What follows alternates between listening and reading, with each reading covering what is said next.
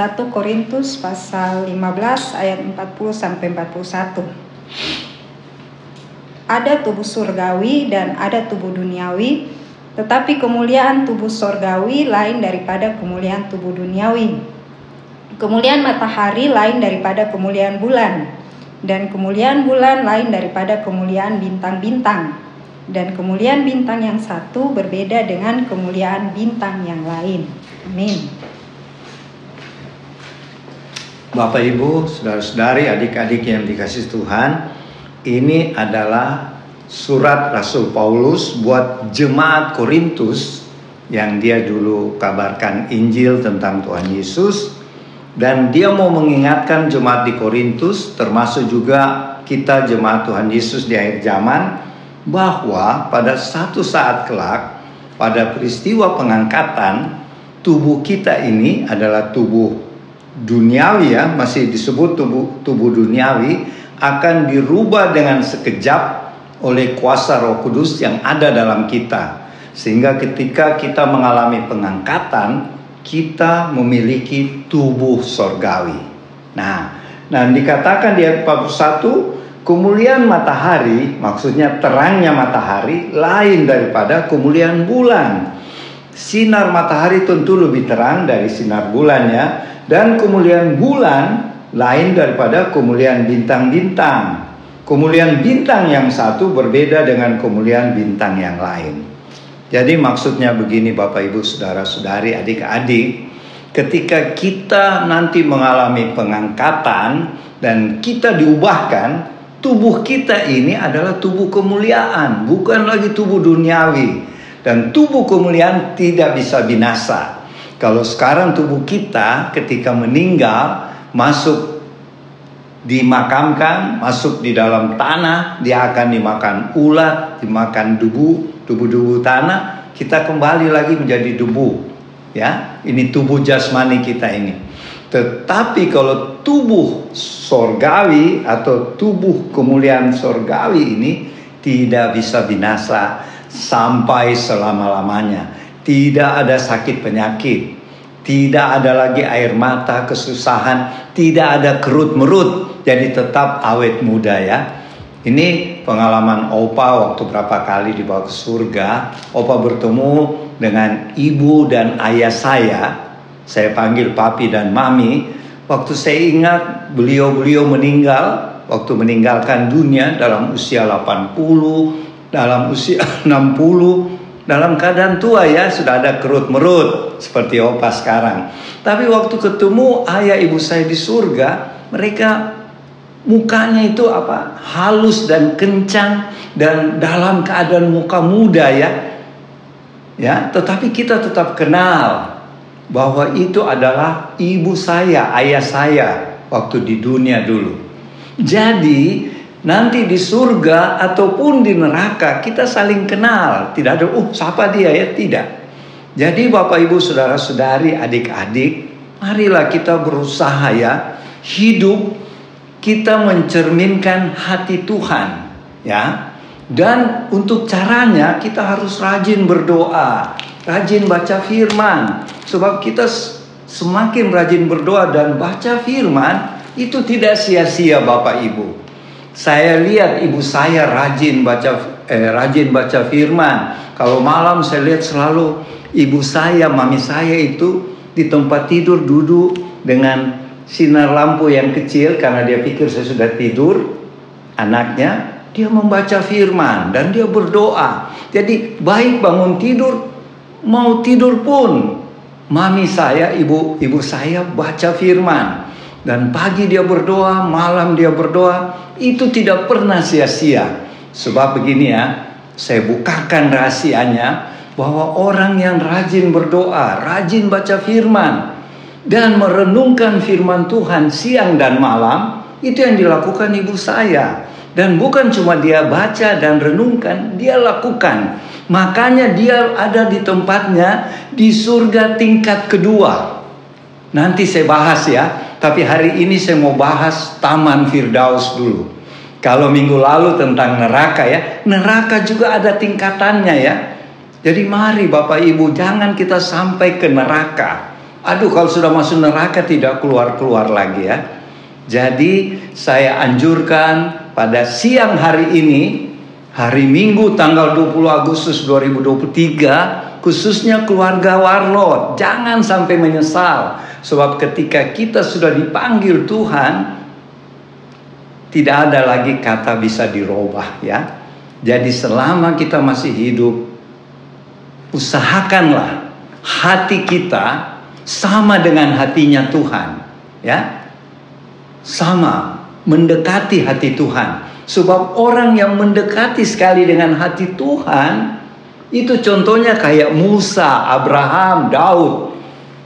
Opa ketemu mereka di mana? Di Yerusalem baru. Yerusalem baru itu adalah ibu kotanya surga dan letaknya di tengah-tengah surga.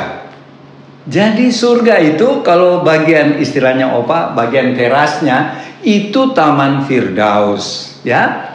Kalau Taman Firdaus sebelum Tuhan Yesus disalibkan dan bangkit, dia ada di mana? Di bumi, ya, di bumi dan Taman Firdaus itu biasa disebut di Alkitab pangkuan Abraham. Kita ingat minggu lalu tentang si Lazarus pengemis dengan orang kaya ketika meninggal, mereka sama-sama dibawa ke Seol. Apa itu Seol? Dunia orang mati. Dunia orang mati itu terbagi dua. Buat orang-orang jahat disebut tempat penderitaan. Yang mungkin bahasa hari-hari neraka ya. Tapi kalau di Alkitab bilang tempat orang-orang berdosa dan menderita.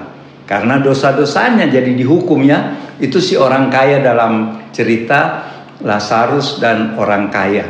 Tapi si Lazarus pengemis dia berada di tempat yang disebut disebut pangkuan Abraham.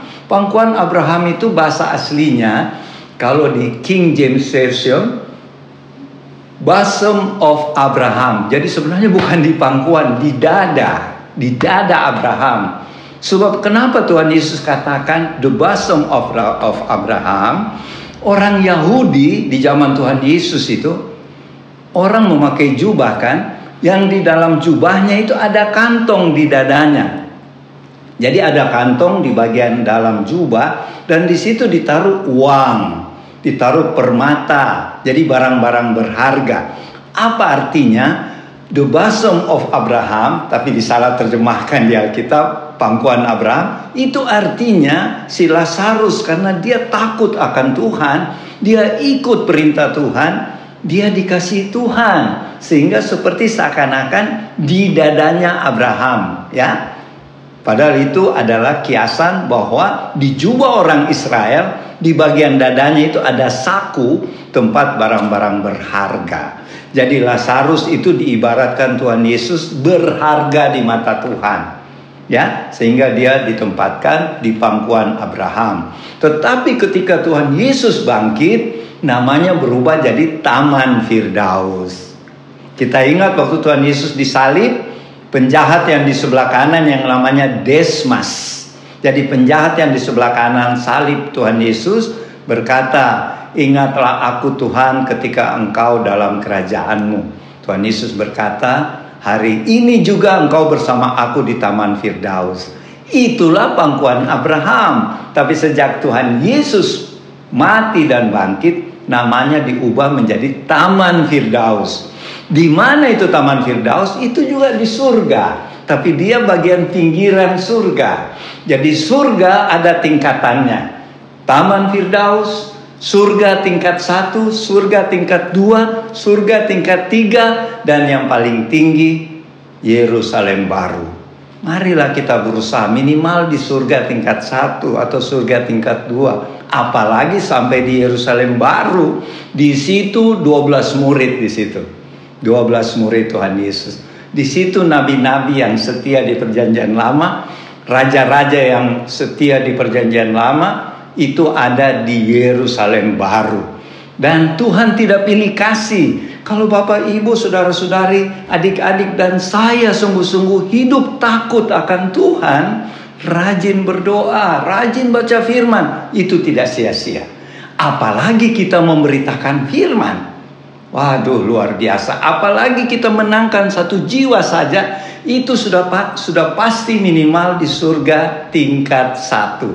Nanti saya terangkan ya di minggu-minggu berikut apa itu surga tingkat satu, tingkat dua, tingkat tiga, apa itu Yerusalem baru. Tapi yang saya mau terangkan sekarang dulu Taman Firdaus. Siapa yang masuk Taman Firdaus? Contohnya Desmas, penjahat yang di sebelah kanan salib Tuhan. Kenapa dia bisa masuk Taman Firdaus? Karena dia percaya Tuhan Yesus. Ya, kalau penjahat di sebelah kiri malah menghujat Tuhan ya, mengejek. Tapi Desmas dia sungguh-sungguh percaya bahwa yang disalib ini Tuhan dan juru selamat.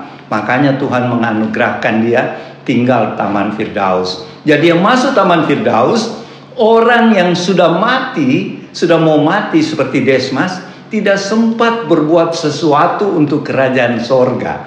Belum sempat berbuat kebaikan, itu tempatnya di Taman Firdaus. Tapi sudah lumayan ya, daripada di neraka. Bagaimana itu Taman Firdaus? Waktu saya dibawa Tuhan ke Taman Firdaus, itu adalah suatu tempat yang luas ya. Banyak pohon-pohon, ada buah-buahnya. Banyak bunga-bunga yang harum harum bunganya. Jadi uh, Opa lihat, saya lihat itu bunga-bunga ada seperti bunga mawar, tapi begitu saya dekati harum sekali. Kala bunga-bunga di dunia ya. Jadi buah-buahnya juga ada seperti buah mangga tapi lebih besar. Dan kita makan dosa kupas, makan saja. Ya, itu keadaan di Taman Firdaus. Tetapi yang membedakan Taman Firdaus dengan sorga tingkat satu ada bedanya. Di sorga tingkat satu, orang-orang percaya punya rumah sendiri-sendiri. Ya, ya ada tempat tinggal sendiri. Tapi sebenarnya uh, mereka tinggal bersama ya. Nah, nantilah yang surga tingkat satu nanti minggu-minggu berikut. Yang saya mau bahas dulu ini Taman Firdaus. Di mana mereka tinggal, orang-orang di Taman Firdaus ada di satu tempat yang besar. Seperti satu gedung yang tidak tidak bisa diukur lagi besarnya. Mereka tinggal rame-rame di situ. Tapi Bapak Ibu Saudara-saudari tinggal di Firdaus itu sangat enak. Beda dengan di bumi ya. Saya lihat ada itu Bapak Ibu uh, lagi duduk-duduk di bawah pohon. Mereka makan buah-buah, ketawa-ketawa. Jadi di, di surga itu atau di Taman Firdaus itu Sangat enak ya, apalagi di surga tingkat satu. Orang kita itu di surga itu cuma memuji menyembah Tuhan. Tidak. Saya saya buka siang hari ini di surga itu seperti di dunia. Ada kita bisa main golf, kita bisa berenang, kita bisa main volley, main basket. Apa yang ada di dunia Tuhan sediakan juga di surga. Ya. Kalau ada yang hobi main musik, saya malah waktu dibawa ke surga, Tuhan bilang kalau kau mau belajar main biola, ada malaikat ajar kamu. Ada orang yang jago biola di dunia yang sudah mati, dia melatih kamu. Jadi di dun di surga itu atau di Firdaus atau di surga ya, itu seperti di bumi tapi sangat-sangat menyenangkan. Tidak ada lagi sakit penyakit, tidak ada lagi virus dan kalau saya lihat itu singa, singa itu cuma makan rumput. Dia tidak menyerang kita, dia tidak menyerang orang di Firdaus, singa, ular dan lain-lain. Yang kalau di dunia dibilang binatang anu ya, pemangsa ya atau predator, tidak. Kalau di Taman Firdaus dengan di surga, kita anak-anak kecil itu bermain dengan binatang-binatang buas itu ya. Kalau di dunia bilang ya. Jadi Bapak Ibu saudara-saudari yang pertama masuk Taman Firdaus orang yang percaya Tuhan Yesus tapi tidak sempat berbuat baik. Contohnya si Desmas yang disalib di sebelah Tuhan Yesus atau seorang yang kita misalnya opa doakan terus dia terima Tuhan tapi selama hidupnya tidak buat apa-apa cuma tahu percaya Tuhan masuk gereja gitu saja. Itu sampai di Taman Firdaus saja. Terus bisa juga saya ketemu seorang penatua di gereja di Makassar, tidak boleh saya sebut namanya. Dia sudah meninggal, dia cuma di Taman Firdaus. Kenapa? Dia memang rajin melayani sama-sama opa lagi di Bukit Saitun. Tetapi mendekati dia meninggal, Dia kecewa sama Tuhan. Nah, ini hati-hati. Saya selalu akan peringatkan ya, jangan coba-coba kecewa sama Tuhan. Tuhan kita sudah begitu baik. Akhirnya si penatua itu cuma di Taman Firdaus. Malah ada beberapa pendeta saya lihat ada di Taman Firdaus saja. Tapi itu sudah lumayan ya daripada di neraka. Jadi di Taman Firdaus orang tinggal rame-rame di satu rumah yang besar sekali. Tidak bisa saya katakan bagaimana besarnya. Terus kedua di sana tidak dilayani oleh malaikat. Ada malaikat-malaikat tapi mereka cuma mengatur Taman Firdaus. Beda di surga tingkat satu. Ada malaikat yang melayani Anda. Tapi nanti ya. Jadi semangatlah kita berbuat kebaikan khususnya keluarga Warlot ini rajin melayani Tuhan ya punya roh yang menyala-nyala nanti kamu tidak menyesal kamu akan dapat tempat kalau bukan di surga tingkat satu tingkat dua tingkat tiga bahkan di Yerusalem baru jangan seperti penatua itu atau pendeta itu cuma di Taman Firdaus tapi lumayan ya daripada di neraka apalagi yang saya ingat ya itu apa pohon-pohonnya bagus-bagus, buahnya itu kita petik saja, nggak usah dikupas lagi. Dan apa? Airnya jernih, ada sungai. Itu sungai punya air yang disebut air kehidupan. Di mana sumbernya?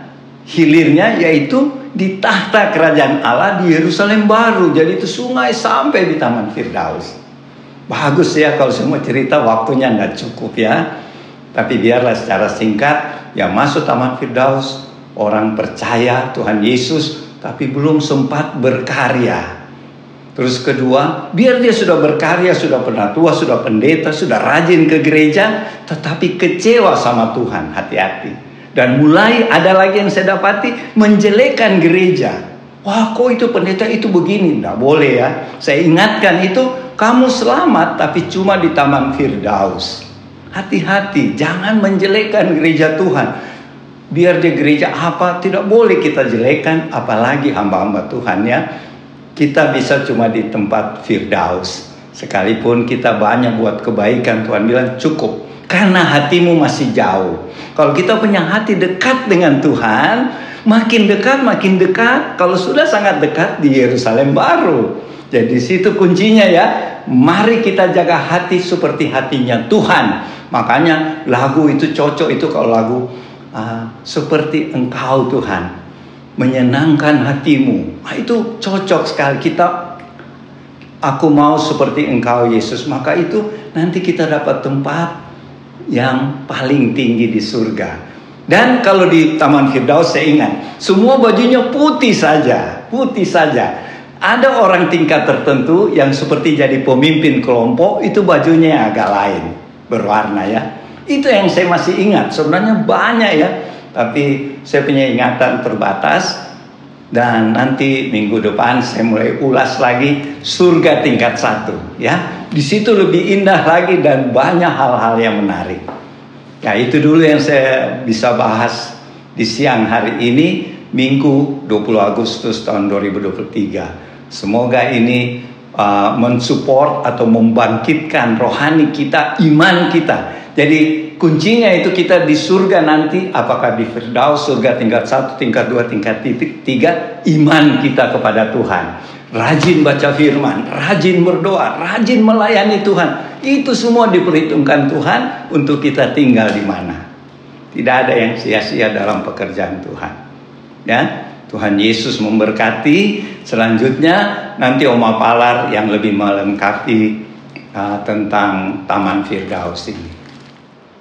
Selamat siang Bapak Ibu Saudara-saudari dan semua teman-teman Warlot di rumah. Kita jumpa lagi pada siang ini. Saya sedikit menambahkan apa yang dikatakan oleh Opa dalam firman tadi.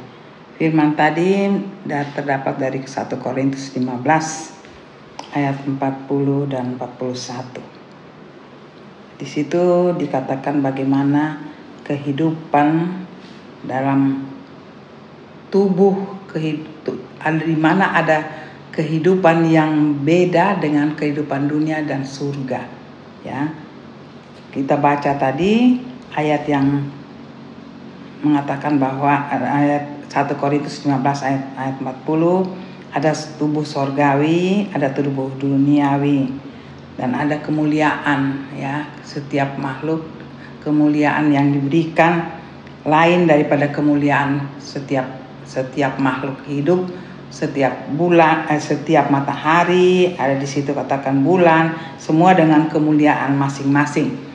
Itulah ciptaan Tuhan. Di sini mengambil kesimpulan bahwa kehidupan dunia dan surga sangat berbeda ya. kehidupan dunia terbatas kita semua tahu.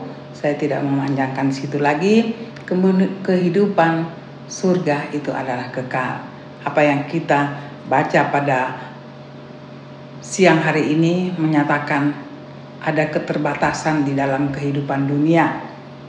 Ada perbedaan yang sangat menyolok ya. Yaitu keindahan surga dan keindahan bumi. Itu sangat berbeda. Kita me, kita apa yang dikatakan opa, opa di sharing tadi itu menyatakan surga dan bumi. Kita mengupas pada akhir ayat ini dan minggu ini surga dan neraka.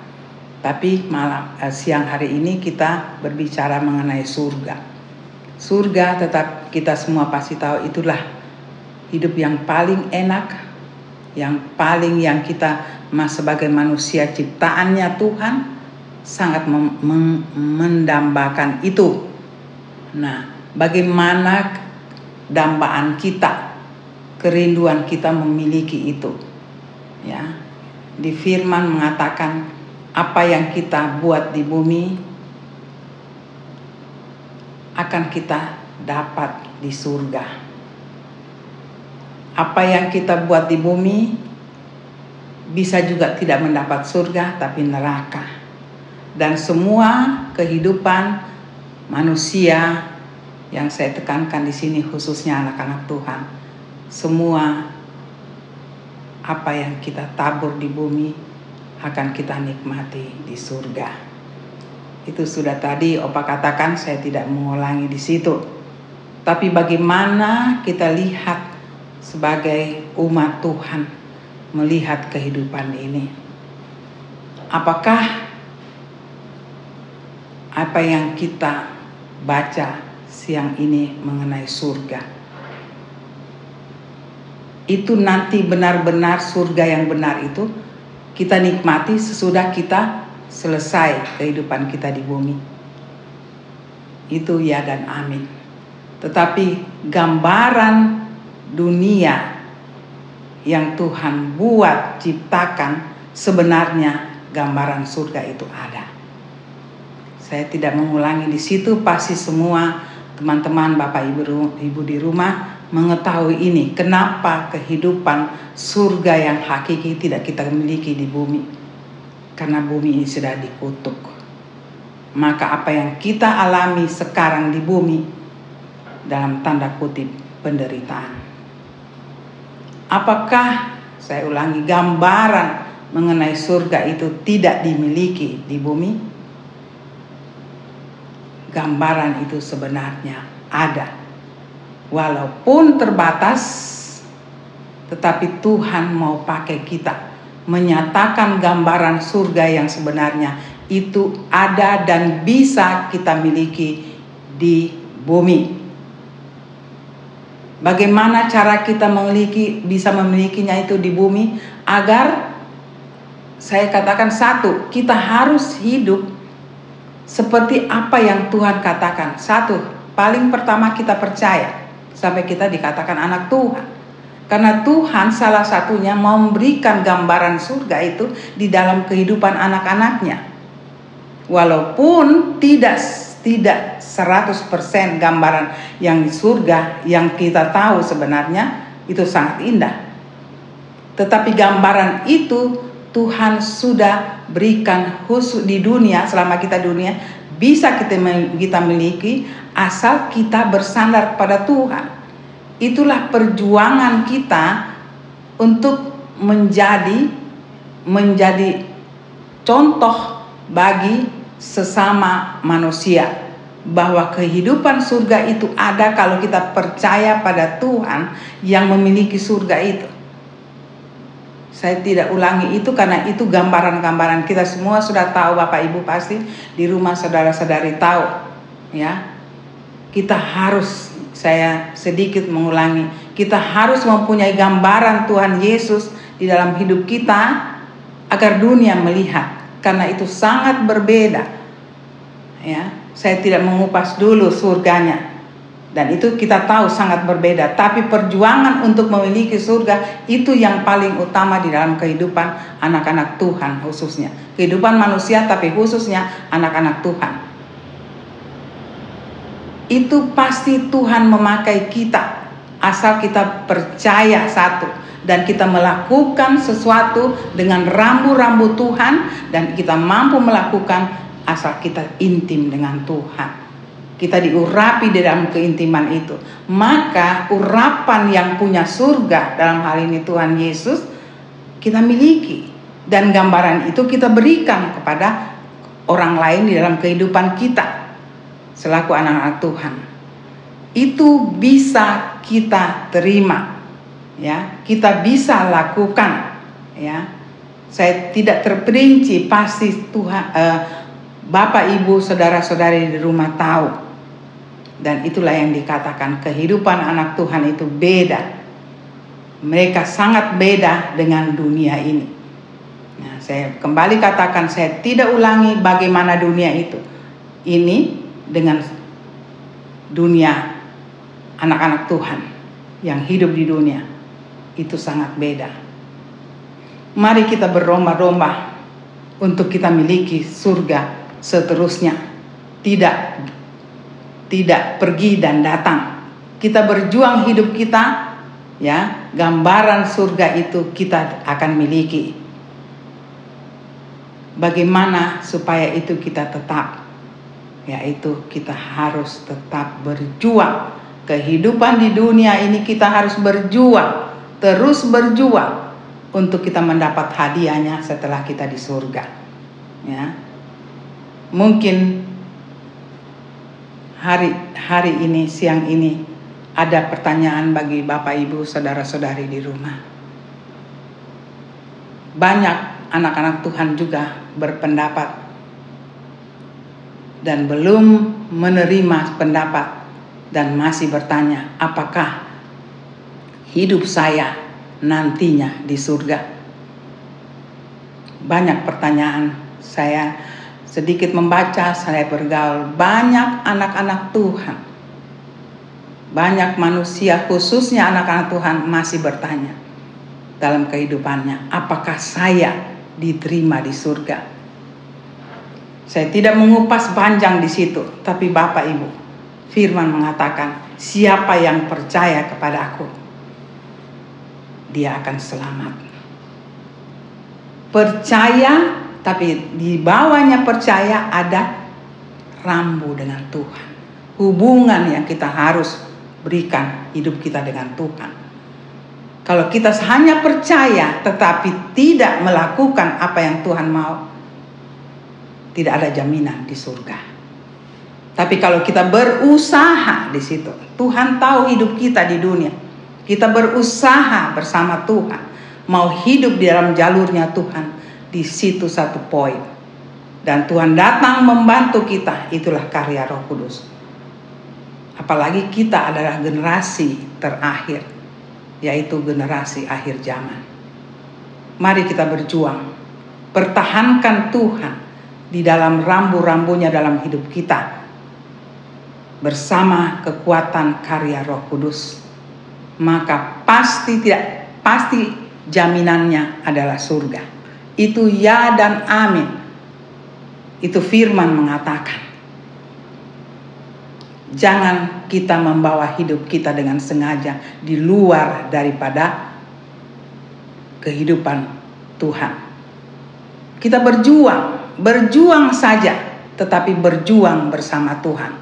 Tuhan tahu hidup kita. Kalau Tuhan menilai hati hidup kita di saat kita berjuang, mungkin kita hanya bisa satu dua kali tingkatan kita berjuang. Tetapi Tuhan melihat kehidupan kita Tuhan datang berjuang bersama kita dengan kesempurnaan yang 100%. Tuhan tahu kita, Bapak Ibu di rumah.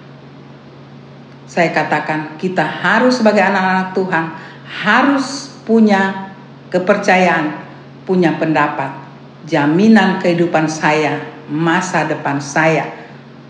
Sesudah kematian saya akan punya surga. Tidak ada kira-kira mungkinkah Nah, inilah yang harus anak-anak Tuhan punya. Punya pemahaman, pemahaman yang diambil dari firman dan Tuhan mengatakan, "Ya dan amin. Siapa yang percaya kepadaku akan selamat. Aku yang akan membimbing dia ke jalan yang benar." Firman itu melengkapinya. Jadi saya ingatkan kepada Bapak Ibu, saudara-saudari tim Warlot di rumah ya dan amin. Kita pasti masuk surga. Siapa yang percaya? Dan seterusnya, bagaimana surga itu pasti Tuhan akan bekerja dalam hidup kita selama kita ada di dunia. Gambaran surga itu ada, Bapak Ibu di rumah, saudara-saudari di dalam Tuhan. Mari kita berjuang bersama untuk untuk kita dapatkan surga dengan nilai yang Tuhan punya otoritas memberikan penilaian. Apakah kita di Firdaus? Apakah kita ada di tingkat e, rumah yang seperti Opa katakan? Ya, yang mungkin minggu-minggu depan akan dikupas, tapi hari ini adalah Firdaus. Firdaus tetap itu surga. Tapi mari kita sebagai umat Tuhan, kita berjuang untuk mendapatkan rumah ya ya saya akan memberikan kesaksian yang lain minggu-minggu depan. Bagaimana untuk mendapatkan rumah. Ya jangan kita kita boleh kita berpikir ya yang penting surga. Tapi kalau kita demikian sayang Bapak Ibu di rumah.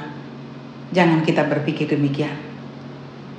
Nanti tidak setelah kita saya saya coba nalar saya ber, ber berpikir kalau sudah di di, su, su, uh, di Firdaus misalnya, terus kita mau bilang, aduh kenapa saya tidak berjuang ya untuk dapatkan rumah. Mari Bapak Ibu, saudara-saudari di rumah, kita berjuang hidup bersama Tuhan. Kita tingkatkan rohani kita. Sebenarnya kalau saya pribadi lihat Firdaus setelah membaca, membaca mengalami banyak sekali kehidupan ya bagaimana juga firman yang kita baca.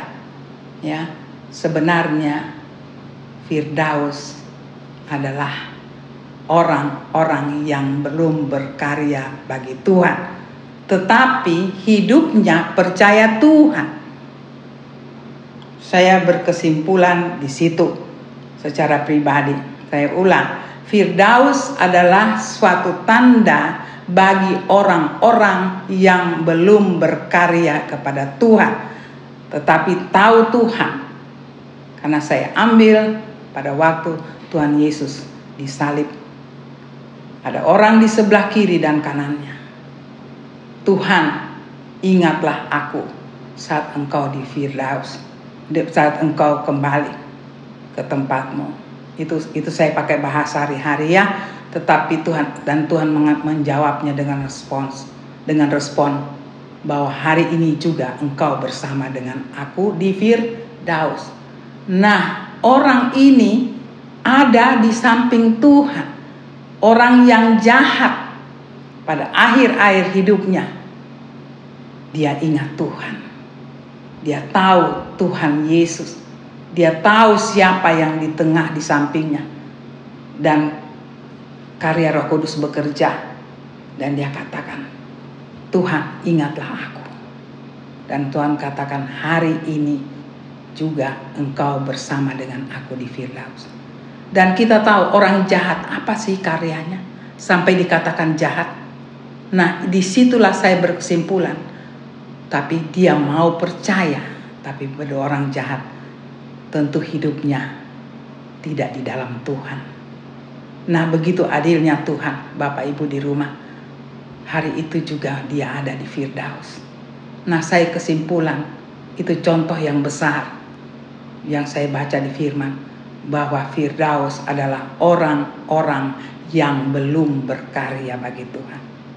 Saya mau mengatakan kesaksian dan pengertian saya di dalam firman. Kenapa ada Firdaus? Yang kata orang tingkat-tingkatan surga itu ada. Saya membaca dari firman, Firdaus itulah tingkat yang paling rendah. Tetapi di Firdaus, Bapak Ibu di rumah, tetap itu surga. Sebagai manusia, kadang-kadang kita mau yang terbaik dalam hidup kita. Tuhan menyatakan itu di dalam firman-Nya menjadi menjadi standar hidup kita, khususnya anak Tuhan, supaya kita tahu kehidupan di surga itu bagaimana. Tuhan menyatakan surga dan neraka, iya dan amin. Tetapi kadang-kadang anak-anak Tuhan katakan yang penting saya masuk surga.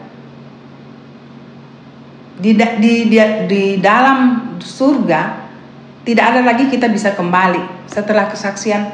Aduh, ada manusia kita punya perasaan itu ada, masih tetap ada. Tetapi si apa yang kita baca firman hari ini, tubuh dunia berbeda dengan tubuh surga. Di situ perbedaannya. Tetapi perasaan hati kita tetap adalah Tuhan. Jadi waktu kita masuk di dalam surga, Firdaus yang kita baca itulah tingkat yang paling awal. Ya. Di situ ada perasaan, aduh, kenapa ya? Waktu saya di dunia tidak berjuang. Surga itu indah sekali, tapi saya dapat yang bagian ini.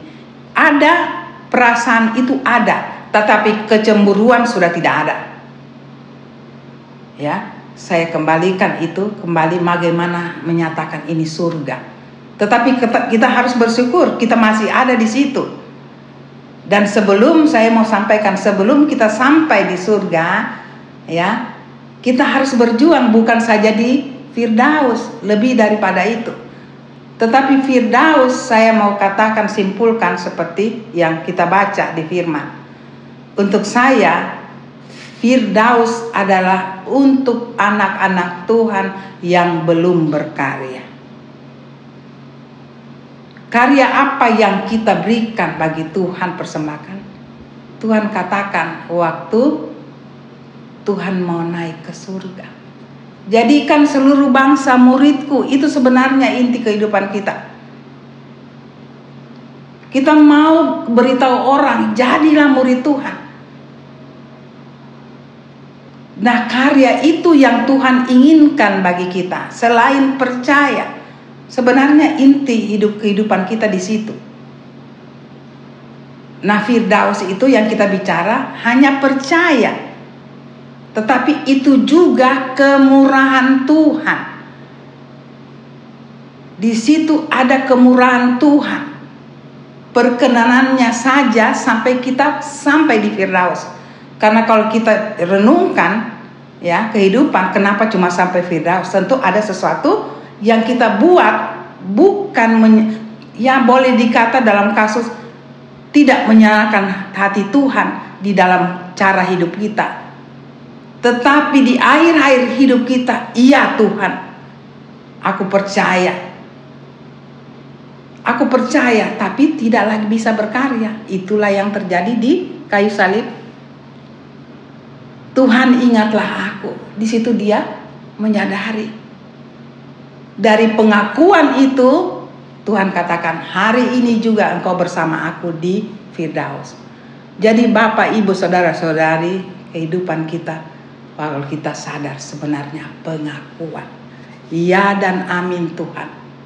Aku salah. Pengakuan saja. Aku percaya kau adalah Tuhan yang maha pengasih. Terima aku. Terima Tuhan. Walaupun mungkin nafas kita pada akhirnya. Ya saya tidak tahu cara hidup kita bagaimana akhirnya. Tapi biasa hanya karena kepelayanan pengakuan-pengakuan terakhir. Napas kita membahasakan nafas tinggal satu-satu ditarik ya. Tetapi Tuhan di situ datang dan kita sadar. Dan Tuhan katakan hari ini juga engkau bersama aku di Firdaus.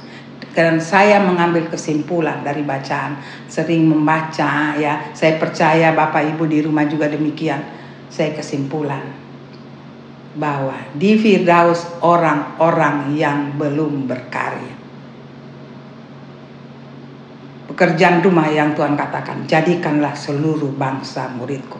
Bagaimana kita mau jadikan? Kita tidak tahu cara hidup kita pun tidak menjadi contoh. Tetapi percaya, siapa yang percaya, engkau akan selamat. Semua itu ada di firman Bapak Ibu. Tapi jangan kita katakan ah nanti kita minta ampun. Kita percaya Tuhan. Jangan pendapat begitu. Itu salah. Itu muncul juga di pikiran kita. Itu salah. Tuhan tidak suka. Tapi mari kita berjuang. Ya. Kita tetap di dalam koridor Tuhan. Tetap di dalam surga. Yang saya mau katakan mari kita. Kita tertantang dengan firman hari ini saya harus di surga, harus mendapat rumah yang Tuhan mau waktu sebelum Tuhan meninggal. Tuhan katakan, aku pergi kepada Bapakku. Aku menyediakan tempat bagimu. Tempat itu rumah Bapak Ibu. Rumah, kami sudah kesaksian. Ya, nanti minggu depan bahwa bagaimana keluarga kami ada di surga ada rumah surga itu ada tingkatan. Mari kita bersama-sama siapkan. Siapkan hati kita. Menyenangkan hati Tuhan dengan perbuatan hidup kita. Ya. Apa yang kita butuhkan Tuhan pasti berikan. Tuhan tidak buta, Bapak Ibu. Cuma Tuhan mau tanya, maukah? Mari dengan firman siang hari ini kita tertantang. Aku mau di surga bersama Tuhan di tingkat yang paling tinggi kalau bisa. Jangan ada kalau, tapi kita bertekad. Nah, mulailah kita berjuang. Bersama Tuhan, Tuhan, aku mau di surga yang paling engkau berikan hadiah. Yang menurut aku berjuang untuk mendapatkan tempat. Tempat tinggal itu adalah rumah.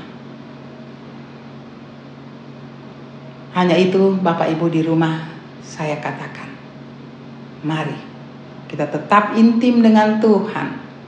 Firman yang tiap hari kami, tiap minggu kami berikan selalu saya isi.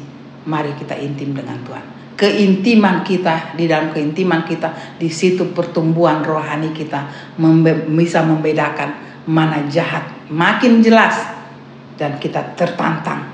Tuh Tuhan, aku bersama, mau bersama dengan engkau seterusnya sampai aku tinggalkan dunia ini. Aku sudah mulai merasakan bagaimana surga dunia, apalagi surga yang Tuhan punya. Karena damai sejahtera itu Tuhan berikan waktu dia datang. Aku berikan damai sejahtera kepadamu. Itulah awal hidup bersama Tuhan yang Tuhan datang memberikan kata damai sejahtera kepadamu yang aku berikan kepada siapa yang percaya kepadaku. Hanya itu, Bapak Ibu di rumah, saya percaya Bapak Ibu akan lebih, saudara-saudari akan lebih Roh Kudus menjelaskan lebih dan lebih lagi pengertian yang indah mengenai surga. Sampai kita jumpa lagi di minggu depan. Tuhan Yesus memberkati. Maranatha. Amin.